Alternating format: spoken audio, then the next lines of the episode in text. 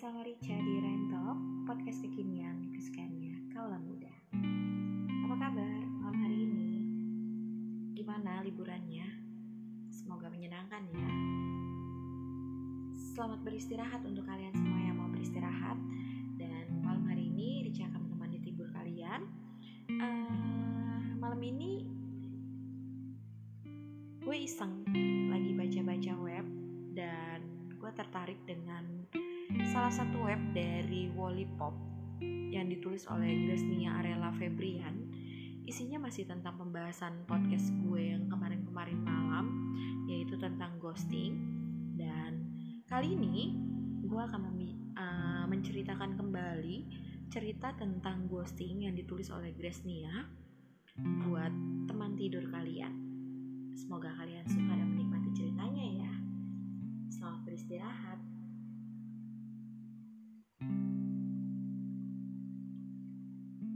Nama gue Kari. Usia gue 24 tahun. Asli dari Solo, Jawa Tengah. Gue pacaran dengan orang ini Sebut saja A Sejak tahun 2019 Perbedaan usia kita sekitar 3 tahun. Awalnya kita kenal lewat Instagram di tahun 2017 Dia DM terlalu menaruh perhatian. Pada tahun 2019 awal, dia, dia mulai nge-DM gue lagi. Dan akhirnya gue gubris dong. Kita akhirnya ketemu. Dekat dan nyambung. Yang mana ternyata circle dia pun sama dengan gue. Pada Maret tahun 2019, dia nembak gue sewaktu lagi nonton konser. Gue baru jawab seminggu kemudian, gue menerima dia. Awal hubungan berjalan mulus. Sempat ada kendala karena orang tua gue gak setuju dengan pekerjaan dia, yang hanya pengusaha ayam potong yang baru merintis. Tapi di situ gue meyakinkan orang tua gue bahwa A adalah orang yang baik dan bertanggung jawab.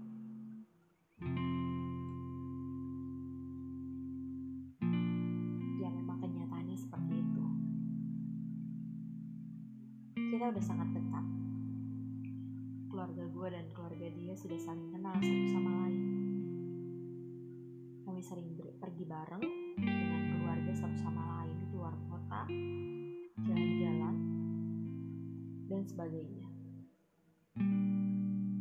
Hingga akhirnya November di tahun 2019, saat nonton konser yang kesekian kalinya,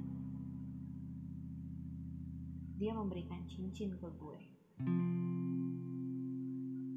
Saat itu kita nonton konser Malik and the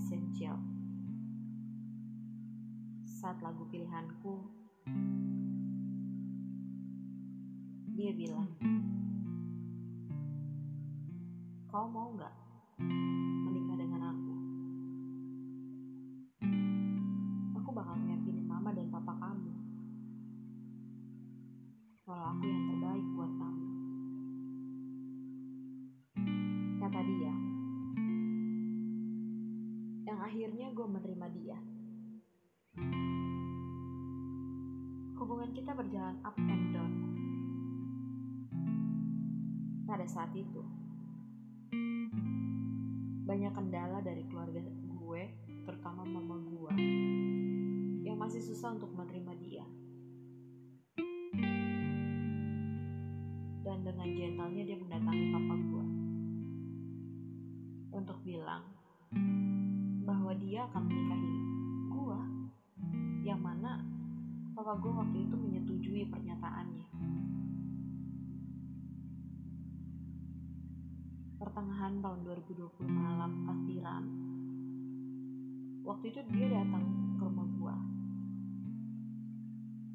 Bilang ke mama dan papa gua mau melamar gua dalam waktu dekat. Setelah berdiskusi panjang akhirnya orang tua gua menyetujui dan merestui gue dengan dia. Di Agustus tahun 2020 resmi bertunangan. Hubungan kami berjalan lancar. Walaupun ada masalah sedikit, kayak mau nikah di mana, tanggal berapa, mau priwet model apa, dan mau adat seperti apa.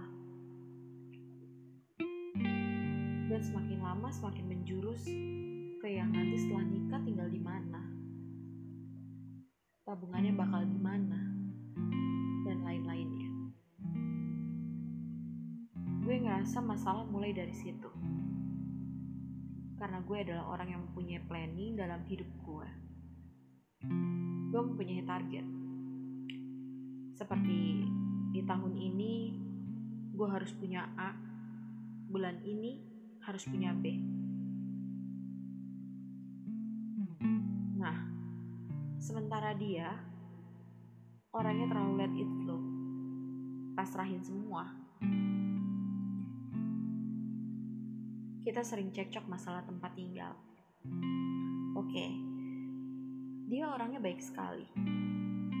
Bertanggung jawab, sopan, rajin sholat, dan humoris. Namun saat marah, dia bisa menjadi orang yang berbeda. Dia suka membentak gua kalau kita sering bertengkar. Kita bertunangan hanya tiga bulan. Waktu itu tanggal 26 November 2020. Dia nganterin gue pulang ke rumah. Ya seperti biasa. Kita kumpul sama keluargaku. Bahas rencana pernikahan Anehnya malam itu dia buru-buru mau pulang. Yang biasanya dia bisa sampai malam di rumah gue. Ya udah gitu kan. Mungkin dia capek. Pikir gue sih kayak gitu. Tapi mama gue sudah punya firasat yang gak enak waktu itu. Dia pulang jam 8 malam. Biasanya selang perjalanan pulang, dia telepon gue buat nemenin selama nyetir tapi pas itu dia nggak balas chat gue sama sekali gue tanya ke mana di mana balas jam 10 jam 10 malam bilang kalau dia sudah sampai rumah dan mau tidur ya udah akhirnya kita istirahat. Tanggal 27 November 2020, jam 6 pagi, dia chat gue bilang, Selamat pagi sayangku. Dan gue jawab hal yang sama. Lalu dia bilang, mau urus ayam dulu. Tiba-tiba di jam 9.23 dia chat gue lagi. Panjang lebar. Yang intinya, dia pengen nyudahin hubungan ini. Kayak disamber petir waktu itu. Gue telepon dia. Tapi nomor gue langsung diblokir. Gue nangis jadi-jadinya. Orang tua gue datang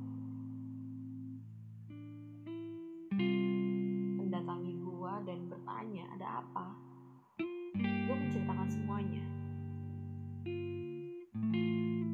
Akses ortu gue ke dia pun diblokir sama dia. Gue telepon bapak ibunya. Jawabannya semua sama. Mereka nggak tahu apa yang terjadi. Rasanya gue pengen banget ketemu dia saat itu juga. Gue down gue nangis seharian nunggu kabarnya siang hari sekitar pukul 2 kakak iparnya nelfon gue maki-maki gue dan bilang bahwa keluarga dia sebenarnya nggak pernah setuju dengan hubungan gue sama dia.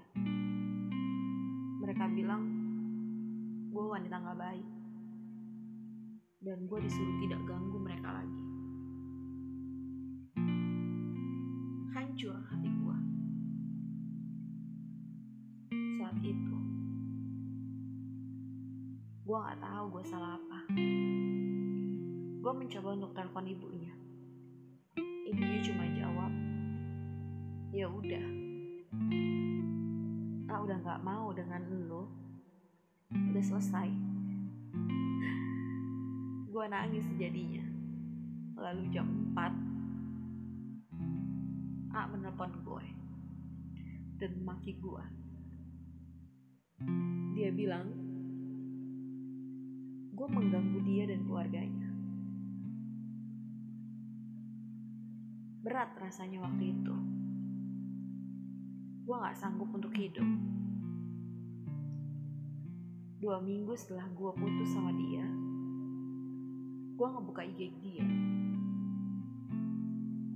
Ada wanita komen di postingan dia. Dengan melampirkan emotikon hati. Kenapa dia begitu cepat berpaling? Apakah ini alasan sebenarnya dia memutuskan hubungan dengan gue? Gue mulai hari ini dengan berat. Sampai sekarang,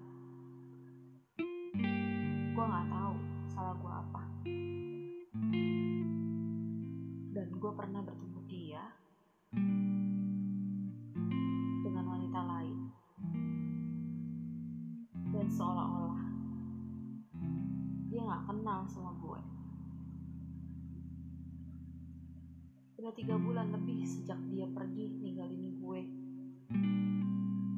Gue masih berusaha untuk melupakan dia.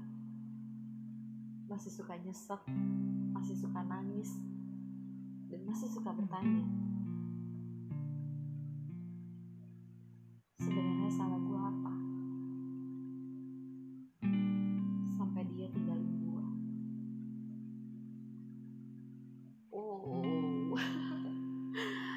Banget ya kan? Berasa banget gimana sih rasanya?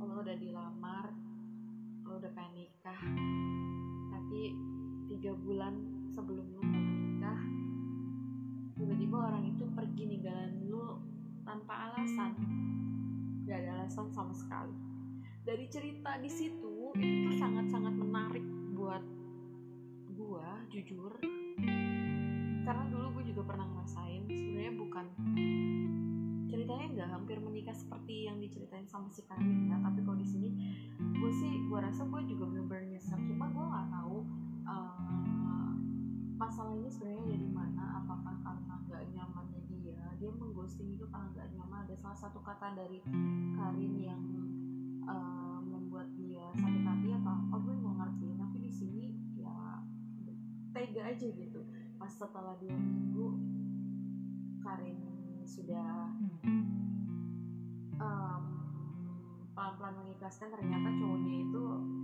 ketahuan jalan sama cewek lain gitu kan walaupun nggak tahu itu temennya atau siapa. Tapi ya agak nyesek juga gitu.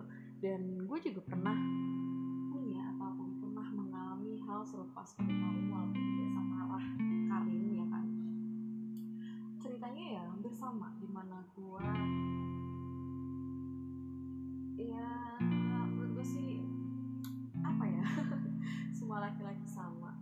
enggak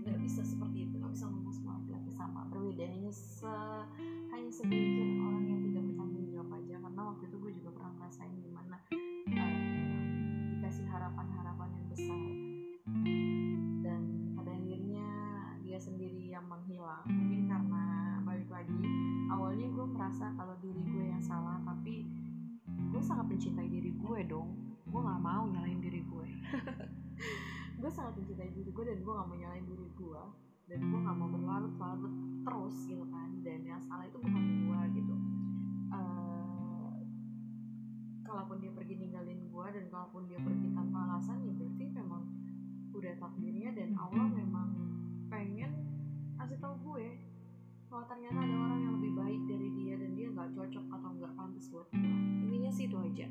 Sama kayak Karin uh, untungnya Karin bisa tahu ternyata orang yang dianggapnya bertanggung jawab gitu kan. Belum tentu selamanya akan selalu bertanggung jawab ya kan.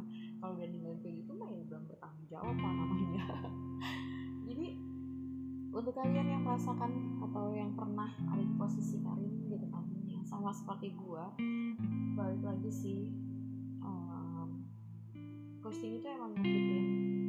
Dan biasanya perempuan adalah korban terbesar dari ghosting itu. Dan kita kaum perempuan itu biasanya adalah korban yang memang nggak ngerti salahnya di mana. Tapi balik lagi kita nggak boleh nyalahin diri kita lagi. Kita nggak boleh nyalahin sama sekali nggak boleh nyalahin kalau kita tuh selalu salah gitu. Kita tuh ada sesuatu di diri kita yang dia nggak sukain nggak nggak gitu. Kita juga nggak kita juga pernah gitu kan nggak menyukai apa yang ada di diri laki-laki tapi kita nggak seperti itu gitu. Jadi buat kalian para kaum lelaki yang tidak bertanggung jawab ya untuk yang masih ada niatan untuk ghosting gitu kan janganlah kasihan lah gitu. kasihan lah untuk para wanita-wanita yang memang sebenarnya itu adalah benar-benar serius tapi ternyata kalian yang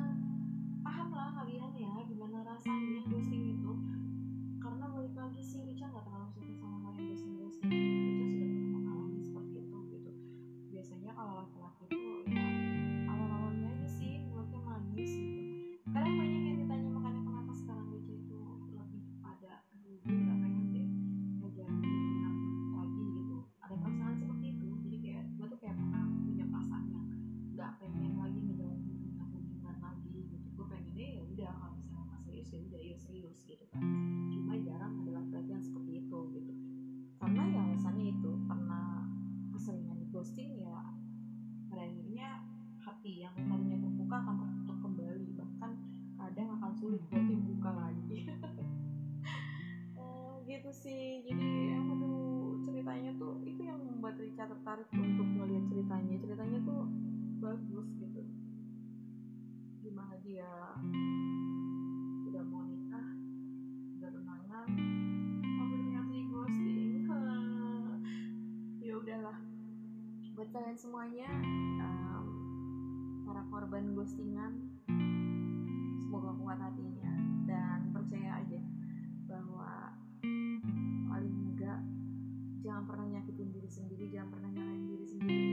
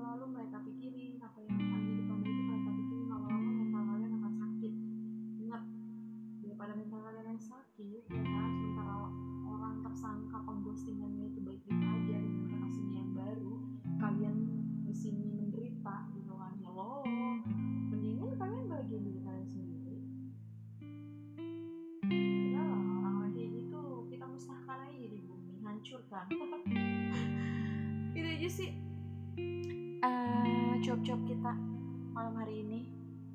Untuk kalian semuanya selamat beristirahat. Maaf kalau nggak penting. Ya, emang sih setiap jawaban Arca itu nggak pernah penting. Paling enggak terima kasih yang udah mau mendengarkan. Semoga kalian suka pembahasan kali ini. Pembahasan besok mungkin aku akan membahas tema yang lain. Uh, karena hari ini lagi pengen tema ghosting karena habis baca ceritanya itu bagus